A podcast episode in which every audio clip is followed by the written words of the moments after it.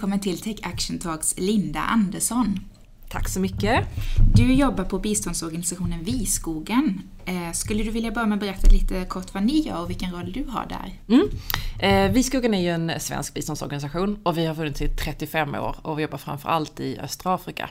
Och egentligen så är ju vår kärna att både jobba med att bekämpa klimatförändringarna och fattigdom tillsammans. Det är liksom där som är vår absoluta kompetens. Och det gör vi genom att jobba tillsammans med småskaliga jordbrukare i Östafrika och deras bondeorganisationer. Och det vi då gör är att eh, stötta våra partnerorganisationer i hållbart jordbruk och agroforestry och sen att bönder implementerar det på sina gårdar för att då både förbättra sin levnadsstandard och vara mer tåliga mot klimatförändringarna. Och din roll i detta? Jag är ämnesansvarig för hållbart jordbruk och agroforestry. Så jag jobbar med att få ut just hur viktigt är faktiskt de här metoderna för att bekämpa fattigdom och klimatförändringar. Jag jobbar med påverkan och kommunikation för oss.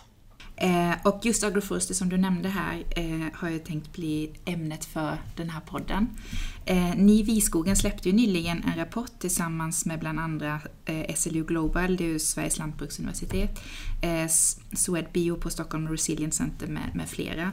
Och den här rapporten hette Achieving the, Achieving the Global Goals through Agroforestry, vilket då på svenska blir eh, att uppnå de globala målen med hjälp av agroforestry. Mm, precis. Och eh, globala målen, för de som inte vet det, är ju FNs 17 globala mål som ska uppnås till år 2030 i hela världen för att vi ska nå en miljömässig, social och ekonomisk hållbarhet. Och det är ju allt från alla ska ha tillgång till rent vatten, vi ska utrota fattigdom, vi ska bekämpa klimatförändringen, alla ska ha tillgång till utbildning av god mm. kvalitet mm. och så vidare. Eh, och som sagt, enligt den här rapporten då så kan ni med hjälp av agroforestry bidra till att uppnå många av de här målen. Men mm. vi kan börja med att förklara vad agroforestry och sen kan du få förklara hur det kan bidra till att uppnå de här målen. Ja, vad agroforestry är beror lite grann på om du frågar en forskare eller om du frågar mig eller en bonde i östra Afrika. Men kort sagt kan man säga att Agroforestry är ett odlingssystem där man kombinerar både träd och grödor tillsammans på en gård. Det kan också vara att man kombinerar träd tillsammans med till exempel djurhållning som eh, kossor eller getter eller bin för den delen eller fiskar. Men träd är alltid med och då är det inte vilket träd som helst utan det är ett träd som faktiskt funkar tillsammans med grödorna. Där liksom träden och grödorna och djuren funkar i ett kretslopp där de bidrar till varandra och har nytta av varandra. Och, och normalt när man tänker på på jordbruk om man tänker på hur en gård ser ut. Om man tittar på Sverige till exempel, hur mm. tänker du att en gård ser ut i Sverige? Ja, det är väl kossor, och hästar och gris. Det är någon så här röd byggnad med så massa hage med de här djuren och Precis. lite hö. Ja, hö ja. Och, och om du tänker dig en eh, gård i Kenya till exempel, hur tror du att den normalt ser ut för en, en vanlig kenyansk bonde?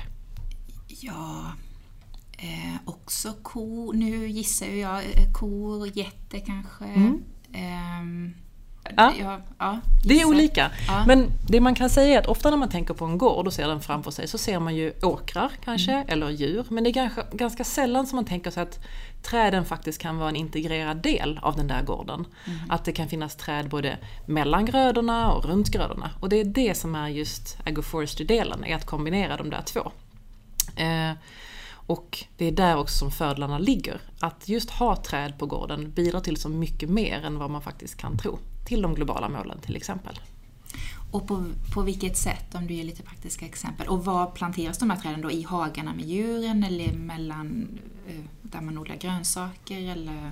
Ja, eh, i ett agroforestry-system så kan träden planteras eh, på massa olika sätt. Antingen som planteras de till exempel runt hela gården, tänk dig som en, eh, ett trädstaket, träd. trädstaket kan man tänka. Eh, och det fina med det är att det kan både skydda från kraftig vind men också från eh, kraftigt, eh, kraftiga skyfall som slår vatten över hela gården. Men det kan också vara att man planterar träd emellan grödorna. Tänk att du har en majsåker och sen så emellan där så planterar du träd för att både förhindra jorderosion eller för att ge organiskt material till marken. Och sen kan man ha andra system där man planterar träd emellan grödorna, till exempel en fruktträdgård eller något liknande. Så det finns olika system för det. Eh, om man tänker liksom på hur, hur världen ser ut idag. Mm. Tänkte du, du nämnde de globala målen. Mm. Det är ju liksom 17 mål som 12 år fram. Det är helt sjukt vad vi ska uppnå. 11 nästan. 11 är det, det är 2019. Ja. Och samtidigt så, som vi ska uppnå de här målen så vet vi att vi måste hålla oss under en och en halv grads uppvärmning. Mm. Vi ska samtidigt kunna föda kanske 10 miljarder människor 2050. Vi vet också att vi har en fortsatt avskogning. Och vi vet att jordbruk idag tillsammans med skogsbruk står för nästan en femtedel av världens utsläpp. Alltså 20% plus står jordbruk och ohållbart skogsbruk för när det gäller utsläpp av växthusgaser. Hur ska man liksom föda en, en växande befolkning samtidigt som vi har de här utmaningarna? Och kopplat till det här är då att idag så står småskaliga jordbrukare för nästan hälften av all mat som produceras i världen. Så kanske inte just hälften av vad du äter, men hälften av det som vi i världen totalt äter står småskaliga jordbrukare för. Alltså bönder som har mindre än fem hektar mark. Jag läste att det till och med är ännu mer, upp till 50-70 procent. Ja, det är lite olika. Just den här siffran har verkligen debatterats, så vi har gått till, till botten med den här. Och vi brukar säga ungefär 50 procent. Och samtidigt är det så att de här småskaliga jordbrukarna, som är majoritet i världen, mm. de lever oftast själva i fattigdom ehm, och drabbas ofta av hunger och undernäring. Så samtidigt som de är liksom vår kan man säga, matbod så står de själv i en väldigt utsatt situation.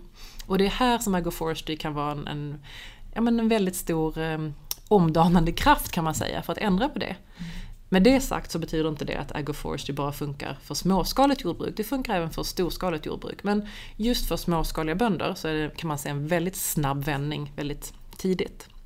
Och det som då händer är att om man tänker att du börjar odla träd tillsammans med grödor. Dels så ger ju träden som sagt skugga. Säg att du odlar majs i ett allt varmare klimat eller ett allt eh, mer eh, torkutsatt klimat. Då kan träden skydda för det. Eh, samtidigt så skyddar de mot jorderosion, det vill säga jorden sköljs inte lika lätt bort eller eh, förs inte lika lätt bort av vindar. Eh, det ger också en, ett ökat organiskt material i marken, det vill säga när löven faller ner så blir det ju som en slags kompost. Men sen har det också andra jättekola aspekter. Jag är lite av en trädnörd. Men att, eh, tänk dig att i ett jordbruk så använder du ganska mycket kväve för att liksom få upp en bra eh, näring i jorden. Men träden i rätt utformning kan faktiskt binda kväve i marken som då till slut ger bättre skördar. Så den har en massa av de här effekterna. Eh, och samtidigt som då agroforestry faktiskt binder koldioxid både ovan mark och under mark. Så det är liksom ett sätt att både anpassa sig till klimatförändringarnas effekter och faktiskt minska dem i sig. I vilken, stor, I vilken skala används agroforestry idag i världen, i Sverige? Och, ja. Eller kanske framförallt i Afrika där ni jobbar, men om du vet globalt också? Ja, men egentligen så har ju agroforestry funnits väldigt, väldigt länge. Ehm, men och det används väldigt mycket idag också, fast inte i den utsträckning som det faktiskt skulle behövas. Ehm, en tid tillbaka så började man liksom separera hur vi såg på världen utifrån eh, jordbruk och skogsbruk. Då blev liksom världen uppdelad kan man säga i antingen är det skog mm. eller så är det jordbruk. Mm. Och så var det de två liksom, sektorerna som fanns. Fast så ser ju liksom inte verkligheten riktigt ut. Framförallt inte för småskaliga bönder söder om Sahara till exempel. Då jobbar man ju kanske i gränslandet däremellan. Så då har man liksom separerat de två. Och det gör att då kommer liksom inte agroforestry riktigt i någon av sektorerna. Så även fast vi vet att agroforestry är jätteeffektivt så hamnar det liksom mitt emellan de här två stolarna fast det egentligen skulle kunna vara en enande kraft. Eh, så det gör att agroforestry faktiskt inte är så utbrett idag som det faktiskt skulle behövas. Ja. Har det varit, när du, det har funnits länge som du säger, var det en mer naturlig metod förr i tiden om du tolkar mig rätt, alltså att det var mm. mer naturligt för sen som du säger att man har delat upp de här två Ja, man använde det mycket mer mm. tidigare och även i Sverige Utan har vi haft... Då, ja, precis. Och mm. även i Sverige har vi använt mer agroforestry tidigare än vad vi gör idag. Mm. Men på något vis har det liksom lite grann kommit i skymundan och samtidigt är det en väldigt välanvänd metod. Många är beroende av metoden idag. Men det finns så mycket mer att göra för att verkligen få den där sista umfen ut av sitt jordbruk eller sitt skogsbruk. Och om, de har, om det nu har så många fördelar som du säger, det både eh, mildra klimatförändringarna och det hjälper till att förhindra klimatförändringarna och mm. bidra till ökade skördar och så vidare. Hur kommer det sig att det inte används mer, eller att det inte har implementerats mer runt om i världen? Ja, det finns ju jättemånga olika tankar och, och syn på det där. Ehm, jag tror att, och det vi ser i rapporten också, så är det ju att en del beror på att just man har separerat jordbruket från skogsbruket. Ehm, att det är två skilda delar. Och det kanske man tänker att ja, men det är ju bara en, det är bara en eh, kategorisering, hur viktigt kan det vara? Men det som ofta händer då är att om, om agroforestry varken hamnar hos skogsbruket eller jordbruket, då hamnar det heller inte på något av ministerierna som sköter de här. Eh, och om det inte tas ansvar för agroforestry på någon plats egentligen så är det ganska ofta som det också inte heller syns i till exempel styrande policies eller lagar eller sådär. Och finns det inte i policies så kommer det heller inte ner i kanske ett lands jordbruksstrategi eller ett eh, skogsstrategi eller en agroforestry-strategi. Och syns det inte i en strategi, ja men då hamnar det heller inte på en budgetlinje.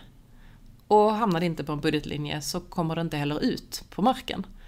Ja men ta till exempel eh, ett land i Östafrika, Kenya till exempel. Där har ju inte agroforestry en riktig hemvist. Och det är också en ganska låg kunskap både bland eh, många bondeorganisationer och den liksom mer statliga eh, rådgivningsverksamheten inom jordbruket på vad agroforestry är och hur det ska användas. Det, det, det, får liksom ingen plats.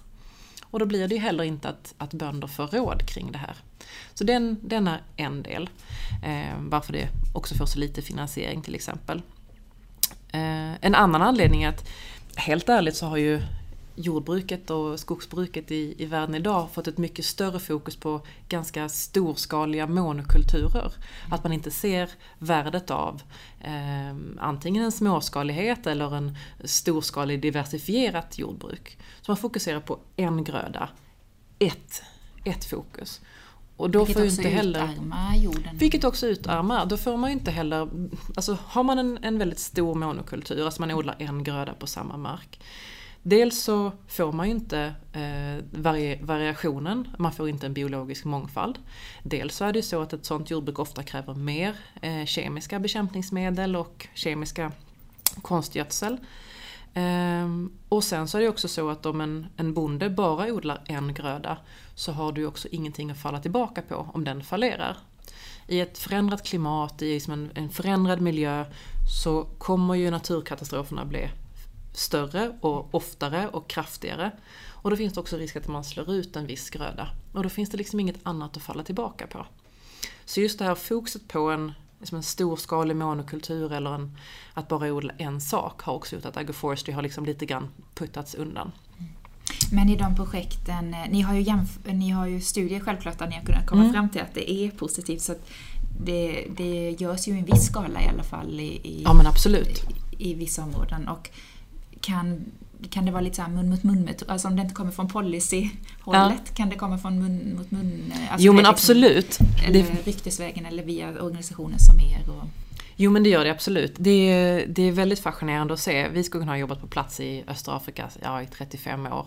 Och vi kan ju verkligen se ett område där vi tillsammans med partnerorganisationer, alltså bondeorganisationer i, i till exempel Kenya eller Uganda, Tanzania, Rwanda.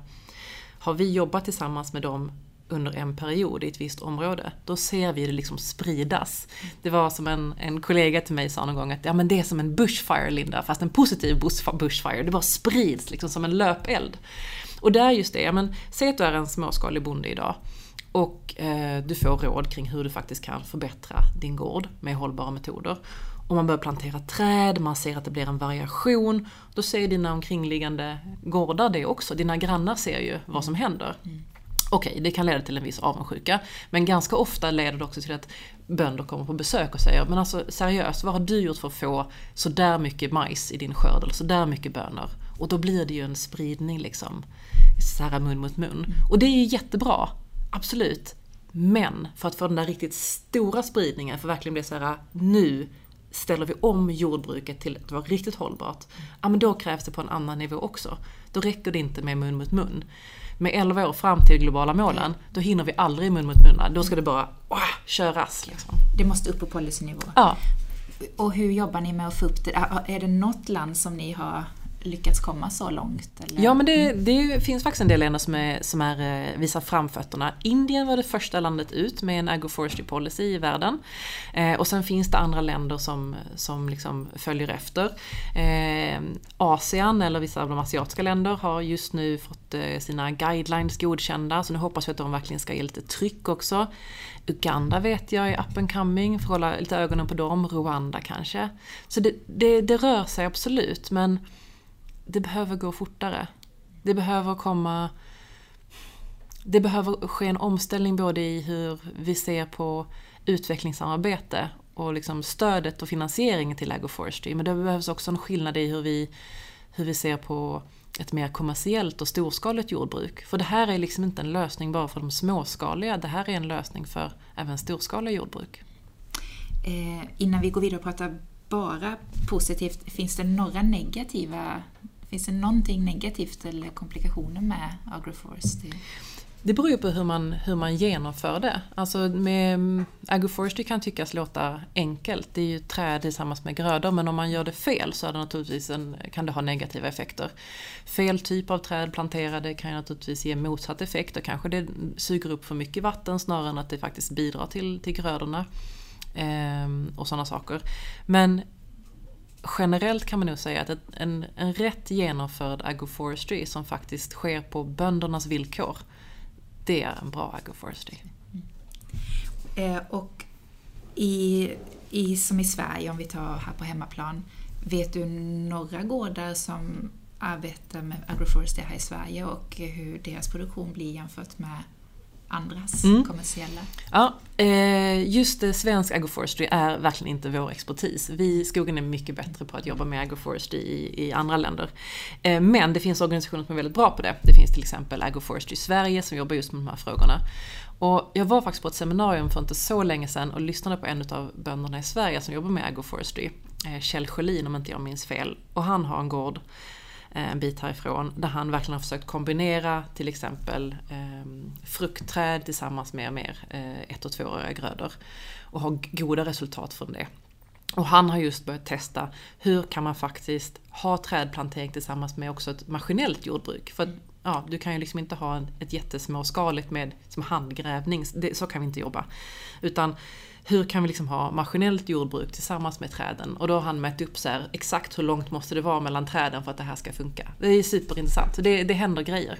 Ja, för, eh, och i Europa det var lite också. det jag hade i huvudet, det är småskaligt, men just när man ska in med de här stora maskinerna. Ja, hur, eh, men det, det funkar. Det funkar. Ehm, och sen finns det bra exempel också från eh, olika delar av Europa där man jobbar till exempel med mycket träd med nötter och frukt tillsammans med till exempel djurhållning. Så att, eh, ja men det, det händer. Men oh, det behövs liksom en, eh, en trädrevolution. Och, och, och, jag tänker också medvetenhet, att det kan ju komma, det, behövs, alltså det behövs ju policy men det är som med allting annat, det behöver vara en kraft underifrån också. Mm. Hur många utav Sverige, Skandinaviens, Europas, världens bönder vet om sättet som man kan pusha på att man vill ha, testa den här typen av odling? jag tror att väldigt många bönder idag och liksom lantbrukare överlag känner till metoderna och, och sådär men kanske inte ser, det är inte så vanligt att man ser hur man skulle kunna använda det på sin, på sin egen gård. Eh, och här är det väl som, som med alla hållbarhetsfrågor, oavsett om det gäller eh, eh, kläder eller plast eller, eller livsmedel så måste det finnas ett, ett trefaldigt tryck. Dels måste det finnas ett tryck från oss konsumenter. Vad vill vi ha på våra tallrikar? Vad köper vi för mat? Och sen måste det finnas ett tryck från företagen som producerar. Om det är en bonde eller det är ett klädföretag. Och sen måste det finnas ett tryck också från policynivå. Och det är liksom den här liksom, trefaldiga trycket som, som måste till. Vi, vi, kan inte vänta ut den ena eller den andra eh, aktören. Vi måste göra alla tre samtidigt för att få riktig fart på det. Så att, eh, jag tror man kan göra lite mer där. Då, då, får vi trycka på ännu mer. Jag tänker det, I Sverige finns ju i alla fall ganska stort tryck efter ekologiskt. Eh, jag tänker mm. Agroforest säger, det behöver inte vara, ja, nu ska jag inte gå in och blanda in något annat här. Nej, det, är inte, det är inte samma men sak. Men det är inte samma sak, men i alla fall att det är hållbart. Ja. Och jag tänker att Sverige har ju väldigt låg liv, ähm, egenförsörjningsgrad, mm. heter det Precis. Eh, vilket då, och jag tänker efter sommaren som var nu var jättemånga bönder som förlorade både grödor och djur och ja. Alltså så att det, om träden hjälper till att binda vatten och skugga och, ja. och bidrar till ökade skördar och att jorden inte blir utarmad. Och, Ja men det är ju så, alltså, den här, efter den här sommaren så, så har ju vi alla fått tankeställare. Eh, och att klimatförändringarna inte påverkar oss i en framtid utan den påverkar både bönderna i östra Afrika och bönderna här i Sverige här och nu. Det var faktiskt intressant. Under just liksom den värsta hettan i somras och när de här bränderna rasade så, så stod jag i, i kön till bageriet på en liten ö i Blekinge. Och så hör jag någon stå och prata om sitt jordbruk och nämner att ah, nej, men jag har börjat så här, äh, ge löv till mina getter från träden för att det är så dåligt med, med bete. Och så tänker jag så här, ja det har vi jädrans i det jobbat med i 35 år i Östafrika. Och nu liksom, nu när det är kris, nu kommer det. Så det, det var verkligen så här, ja det, det, det, kommer, det kommer behövas nya, nytänkande lösningar här också. Och en annan, något positivt, nu vet jag inte agroforestry, men jag tänker ängsbete, det finns något som heter Ja, precis. Ja men det är ju en typ av, det är en typ, typ av agroforestry. Ja. Och det har vi haft länge. Mm. Eh, men det gäller att också bevara det och kunna liksom eh, använda det ännu mer. Mm. För det är ju, där jobbar man mycket med ja. djuren och naturen. Precis. Det var faktiskt en annan, eh, och var samma bonde kanske som berättade om hur han hade jobbat med, eh, med grisar och sin eh, trädplantering. Att eh, när han hade avverkat en del av sin skog så lät han liksom grisarna bara böka runt. Och då självplanterade ju sig nya eh, sticklingar eller träd så att säga. Eh, och sen kunde han bara gallra och då hade han fått upp en, en ny skog bara av det här bökandet. Och det är ju som en typ av agroforestry. Man låter djuren kombinera sig med träden och sen löser sig det lite grann själv under lite övervakning. Om vi går vidare in på det här med, vi pratade ju om början om att agroforestry då bidrar till de globala målen och vissa mål ännu mer än andra kanske. Eh, om du vill berätta lite vilka mål främst som eh, agroforestry kan bidra till och på vilket sätt? Mm. Ja, jag tycker vi börjar med det som är kanske allra viktigaste och det som också är mål nummer ett, det är ju ingen fattigdom. Utan det så inget, inga globala mål uppnådda till 2030. Så Agroforestry bidrar till, till minskad fattigdom genom att just öka intäkterna för eh, ett jordbruk. Om vi tar en småskalig familj i östra Afrika till exempel. Eh, så lever man oftast på en ganska utarmad mark. Man har kanske använt den här marken under flera generationer och med ganska utarmande metoder. Eh, och genom att då plantera träd tillsammans med grödorna så får man upp en högre produktivitet i jordbruket. Det vill säga jorden kan producera mer mat. Den maten kan du ju dels konsumera som familj och sen kan du sälja överskottet och för det blir det också högre inkomster till familjen. Så på sättet så bidrar det till en minskad fattigdom. Så rätt genomförd agroforestry så kan det faktiskt öka intäkterna i familjen.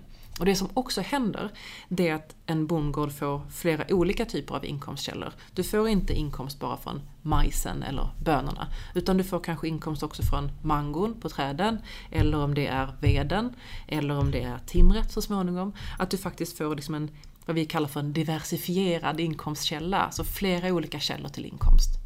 Eh, som så på så sätt bidrar till minskad fattigdom.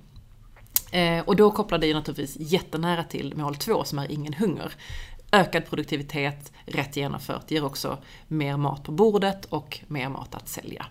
Här är det ju lite viktigt också att hålla, hålla i åtanke att bara för att man får mer mat producerad på gården så betyder inte det generellt att man också får ett bättre näringsläge. Det kan vara så att man som familj säljer mycket av den näringsrika maten. Så det gäller att också jobba med hur man faktiskt får upp att äta mycket av den näringsrikare maten på Eh, från den egna gården. Men då har vi till exempel frukt, nötter, eh, olika typer av bladgrönsaker som funkar tillsammans med träd. Så att ingen fattigdom, mål 2 är såklart superviktig. Eh, sen de andra också riktigt uppenbara målen, det är ju såklart mål nummer 15. Det har en jättelång titel. Ekosystem och biologisk mångfald. Eller Life on Land heter det på engelska. Eh, det handlar till exempel om att minska avskogningen men att också att återställa ekosystem och faktiskt bidra till en mångfald av olika typer av grödor, olika typer av växter och olika typer av djur. Och här är ju agroforestry liksom i sitt, sitt esse. Um, ofta så beskyller man faktiskt småskaliga jordbrukare för att driva på avskogningen. Men ska man vara helt ärlig idag så är det faktiskt inte småskaliga jordbrukare um, som driver på avskogningen utan det är faktiskt stora monokulturer och efterfrågan på um, ja, grödor som soja eller palmolja. Men agroforestry rätt genomförd kan faktiskt minska avskogningen. Dels för att du får eh, en högre produktivitet på din gård, men också för att du eh, får ved och timmer från din egen gård. Du har det liksom från din första trappa kan man säga. Och när det gäller eh, biologisk mångfald så är det ju uppenbart. Alltså en, flera olika typer av grödor, flera typer av träd har en ökad liksom, diversitet i, i både djur och, och växtlighet. Och det som är coolt är att om man rätt genomfört, om man börjar odla enligt agroforestry-metoden i stora områden, då kan man liksom skapa som en, en buffertlinje runt skogen. Ja men ta en naturskog till exempel, där gårdar kanske ligger väldigt nära till skogslinjen. Om man då börjar odla upp liksom agroforestry-gårdar runt om där, då skapar det liksom som en, en buffer, en skyddszon. Dels så eh, gör det att djur och kan vandra mellan de här områdena på ett bättre sätt, men också att man faktiskt har tillgång till det man behöver precis på sin första trappa och inte i skogen. Så det är faktiskt himla coolt. Jättekul och jag menar utan eh, fungerande ekosystem så... Nej, då har vi inte så mycket Nej. att göra faktiskt. Nej. Då är det inte heller något av de globala målen som kommer att fungera. Nej. Alltså tänk på vad... Man pratar ju också ofta om vill, vad, vad, består majoriteten av vår mat av idag? Och det är ganska få grödor som egentligen är vår basföda.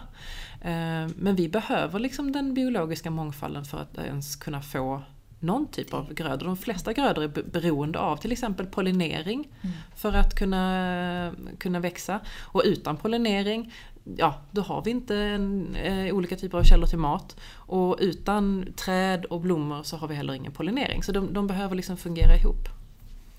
Eh, och sen såklart mål, eh, det, det, fjärde målet vi ska ta upp är ju eh, mål 13, bekämpa klimatförändringarna. Mm.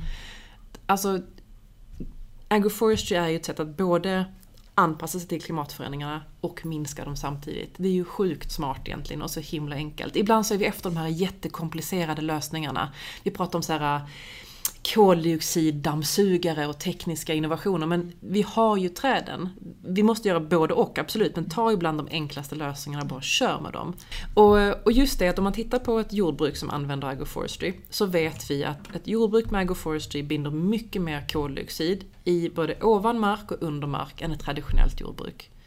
Man brukar säga att eller om vi tittar på våra projekt så vet vi att en gård idag som använder agroforestry den binder ungefär 2,14 ton koldioxidekvivalenter per hektar och år. Alltså 2,14 ton koldioxid kan man säga. Eh, ja, vad ska man jämföra det med då? En Thailands resa är kanske 3 ton. Och det du och jag äter under ett år i Sverige motsvarar kanske 1,8 ton koldioxid eller någonting sånt. Så ett agroforestry-jordbruk kan binda så mycket mer än ett vanligt jordbruk. Eh, så det är ju verkligen både en anpassning och en minskning av klimatförändringarnas effekter. Så det är väl de fyra mål som jag vill kanske lyfta främst. Sen finns det även andra. Agroforestry kan, om det är rätt genomfört, både öka, ja, leda till god hälsa och välbefinnande, mål 3. Såklart ett ökat intag av näringsriktig mat. Mm. Jämställdhetsfrågan är jätteviktig, kan också bidra till om det är rätt gjort. Eh, hållbar konsumtion och produktion och så vidare. Så det finns, vi brukar, eller, vi brukar säga att nio mål åtminstone finns det en direkt koppling till mellan agroforestry och SDG-erna. Och det är rätt coolt ändå. Att ett odlingssystem faktiskt kan bidra till nio mål samtidigt. Kan vi bara köra på det? Kan vi bara liksom ja, rulla? Det var därför jag frågade, finns det inga nackdelar? För då känns det ännu mer eh, oförståeligt varför det inte är... Sen så krävs det, alltså det krävs ju alltid en tid för omställning och, och så liksom. Mm. Men att vet folk om detta och man, att det bidrar till så många positiva effekter så känns det som det borde spridas mer och finnas incitament, incitament, incitament, incitament från eh, både som du säger konsumenter och brukarna ja. själva och, och eh, Men absolut. Och det, det handlar ju om att tänka om hur vi odlar men också hur vi ger bidrag för olika typer av jordbruk. Ja, ganska vanligt i många länder är att man får bidrag för viss typ av konstgödsel eller viss typ av kemiska bekämpningsmedel eller viss typ av bara odla majs. Då kör man på det. Mm. Och det är inte hållbart i längden. Det kommer inte leda oss till globala målen. Det kommer inte ställa om hela jordbruket. Så man måste tänka annorlunda. Man måste, man måste använda det som finns på gården idag och faktiskt använda det som kompostgödsel och det som, som ett eh, naturligt bekämpningsmedel. Eh, och när det gäller eh, ett riktigt storskaligt jordbruk, ja men då måste man planera en annan typ av åkrar och där, ma där maskiner faktiskt kan köra emellan agroforestry-träd till exempel för att funka. Men det är klart att det går att ställa om. Det handlar om... Och jag tänker det du pratar med, man får bidrag och så, alltså det är samma sak som, alltså det är som subvention att mm. inom fossila bränslen eller vad som helst, att man Precis. måste ställa om politiken, att man gynnar det som är hållbart. Och, ja. Och det finns ju så himla coola metoder. Alltså vi, har, eh, vi skogen har i, eh, i Kenya och i andra länder också utbildningsgårdar för agroforestry. Och då kan man eh, komma dit som, som bonde till exempel och lära sig om de metoderna. Och då finns det ett speciellt ställe som jag trivs allra bäst på. Det är där vi visar det som kallas för push and pull-metoder. Alltså hur kan man jobba med olika typer av grödor runt en åker och i en åker för att dels putta bort, alltså pusha bort eh, olika skadeinsekter. Och hur kan man med vissa metoder för att dra till sig vissa skadeinsekter men som ändå tar bort det från själva huvudgrödan. Där man överhuvudtaget inte använder några mm, bekämpningsmedel. Men just att använda träd och olika typer av grödor tillsammans som liksom skapar sitt eget lilla bekämpningsmedel. Det är superhäftigt, men det måste bara flyga lite. Och jag tänker det du pratar om också, att det är framförallt nio mål, men de här 17 globala målen hänger ju tillsammans. Mm. Det ingen, man kan ju inte bryta loss Nej. en. Så att påverkar man en så påverkar man ju alla, så påverkar man en negativt påverkar man ju andra negativt, påverkar man positivt så påverkar man ju alla positivt. Så att man har ju inverkan positivt på alla i stort sett, om man nu, men, men mer på vissa. Liksom. Ja men precis, och det är väl också det som är en viktig distinktion mot till exempel millenniemålen. Att det går inte att jobba med en gröda som ger kanske ekonomiska effekter jättepositivt för småskaliga bönder. Om den grödan inte också ger socialt bra effekter och miljömässiga bra effekter. Vi måste gå ifrån att jag brukar säga att vi måste, vi måste gå ifrån do not harm-principen, det vill säga att man inte ska skada, till faktiskt do good-principen. Mm. Att bara en ett odlingssätt eller en gröda inte skadar är inte good enough. Nej. Det måste faktiskt göra bra utifrån den faktiskt ganska kassa situation vi sitter i idag, i hur vi hanterar vår planet. Och då, då håller det inte att komma dragande med grödor som har jättebra ekonomiska incitament för bönder, om de faktiskt inte är hållbara på riktigt ur alla tre perspektiven. Nej, för det är ju det sociala, det ekonomiska och det miljömässiga, ja. det är de här tre som, ja. som vi måste nå. Och det är just det som, som agroforestry har, den har alla de tre tillsammans. Ehm, och det du pratar om är ju det att du alltså just att blanda olika grödor. Och jag tänker det, sen måste det ju vara lokalt givetvis utifrån klimat och område, vilka grödor man odlar och vilka som går ihop. Men att det går att pussla ihop de här olika träden och grödorna oavsett var på planeten Ja. och vilken världsdel vi, vi Absolut, så det finns ju experter inom agroforestry i Latinamerika har ju koll på vilka träd som funkar bäst i vissa områden där och experter inom mm. agroforestry i Östafrika har koll på eh, vilka träd och grödor som funkar där. Så det, det, måste man anpassa sig till. Och så att vi ändå får med de flesta grödorna som du säger, så att det just blir varierat så vi får ja. en varierad eh, kost och eh, kultur i, i mm. jordarna. Mm. För jag tänker även en annan som vi inte har nämnt men som, eh, ja, det beror på i vilka sammanhang, men som det kanske pratas för lite om, är ju matjorden. Mm. Eh, som börjar utarmas mm. alldeles för mycket, och speciellt av eh, monokulturer ja. och eh, erosion då eftersom det blir ja, att inget växer och eh, utarmas och så vidare. Att vi har ju bara den här, de här centimeterna med matjord att odla på och försvinner de så tar det ju jättelång tid innan det återbildas ny matjord som vi kan odla. Precis, och där handlar det om att många av de Ehm, mycket av den mark som vi odlar på idag är ju väldigt utarmad och det finns stora områden mark som inte går att odla på längre för att den är så pass utarmad. Och där måste man hitta ett sätt att tillföra material som faktiskt får upp produktionen igen och får upp en, en hållbar produktivitet. Och där spelar ju det organiska materialet jättestor roll. Alltså till exempel eh, nedfallna löv eller grenar eller eh, rester från, från skörden till exempel. Att återskapa och återföra organiskt material till jorden är ju centralt för att det ska funka. Och där har, ju liksom, där har du det gratis från, från agroforesting kan man säga. Mm. Och så att det tar ju tid att få upp de här utarmade jordarna ändå, men just att man satsar på det och tar tag i det och att, och att detta är ett hållbart sätt att försöka få liv i, Absolut. i, i den jorden igen. Mm. Eh, det var faktiskt riktigt skrämmande. Den har gått på SVT Play, en sån här dokumentär om matjord. Om sista skörden? Ja, Sista skörden. Ja, ja. Det var faktiskt riktigt otäckt. Mm. För att kan vi inte, alltså försvinner den här matjorden så vi inte kan skördar. Och, eh, ja, vi behöver ju alla mat och vi blir dessutom fler som vill ha mat. Ja. Och, eh, Man kan bara göra konstgjord andning så pass länge på en jord Mm. tills den inte längre klarar. Så att vi måste tillföra de riktiga sakerna för att det faktiskt ska hålla i det långa loppet. ja. Så jag tror det handlar om, just för när det gäller agroforestry och, och hållbar jordbruksmetoder så handlar det mycket om att, att synliggöra de, de goda exemplen Mm, som mm. finns. Vad är det som faktiskt funkar? Att verkligen pusha för att de bra exemplen kommer in i styrande Mm. dokument, både policies och strategier. Mm. Och att det så på så sätt också får en, en prislapp på sig, att det får en, en, finansieringspåse på det. Mm. Ehm, och att man faktiskt engagerar de som är de som utför arbetet och som, som ger oss den mat vi faktiskt ska äta. Att in- involvera de småskaliga bönderna och de små, storskaliga Mm. för att verkligen få det här skiftet. Ja. Så det är ett, eh, som sagt, det är ett trefrontskrig. Konsument, företag och policy. Jädrans, vi måste bara få ihop de där tre. Let's, let's do it! Japp! Eh, och apropå då vad vi måste göra. Eh, jag brukar ju avsluta varje podd med att be om några konkreta tips eh, utifrån ämnet vi har pratat om. Eh, så att, vad har du funderat ut för konkreta tips? Ja, men absolut. Det finns ju så himla mycket man kan göra som privatperson. Jag skulle kunna komma dragande med de vanligaste, med flyg mindre och ät mindre rött kött. Eh, men samtidigt för att eh, relatera det just till, till agroforestry så tror jag att ja, men en sak som jag ändå försöker hålla på, det är den här palmoljan. Det finns certifierad palmolja, det finns ocertifierad palmolja, men just nu i alla fall känner jag idag att vi måste komma ifrån do not harm till att faktiskt do good. Och då kan jag i dagsläget inte säga att palmoljan är do good. Så att den, nej men vi skippar den känner jag. Ehm, det andra är väl att, att prata med dina barn om du har några, eller prata med dina vänners barn.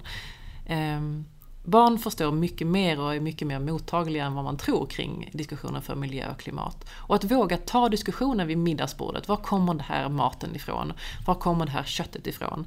Och det är kanske lite så här äh, det är kanske lite hardcore i början att prata om vilket dött djur du har på din tallrik om du äter kött. Men att faktiskt våga göra det med sina barn. För det gör att de också vågar ifrågasätta lite längre fram. De ifrågasätter på skolan, på dagis och de ifrågasätter dig som förälder så småningom. Ehm, så det tror jag är viktigt. Ehm, om jag tar ett exempel från vår egen familj så har jag en dotter som absolut gärna kan äta helvegetariskt så länge det går. Och jag har en son som frågar mamma vilken säsong är det säsong för kött? Ehm, men att prata om det och just var kommer vår mat ifrån gör att de faktiskt kan välja bort och välja till saker som är mer hållbara. Eh, och sen det tredje rådet, och här är jag i och för sig lite partisk, det får jag ändå säga. Men jag kan ändå tänka, det är aldrig fel att plantera ett träd. Så att det skulle jag väl ändå uppmana fler till att göra. Och det finns, eh, jag säger som på SVT eller SR, det finns många organisationer man kan plantera träd via. Man kan göra det till exempel via Viskogen eller någon annan. Det finns många organisationer. Naturskyddsföreningen gör ett jättebra jobb, Greenpeace gör ett bra jobb, inte just kring trädplantering, men och WWF gör ett bra jobb, och Viskogen såklart. Så bara gör små saker i vardagen och lite action, så kommer det hända. Lysande.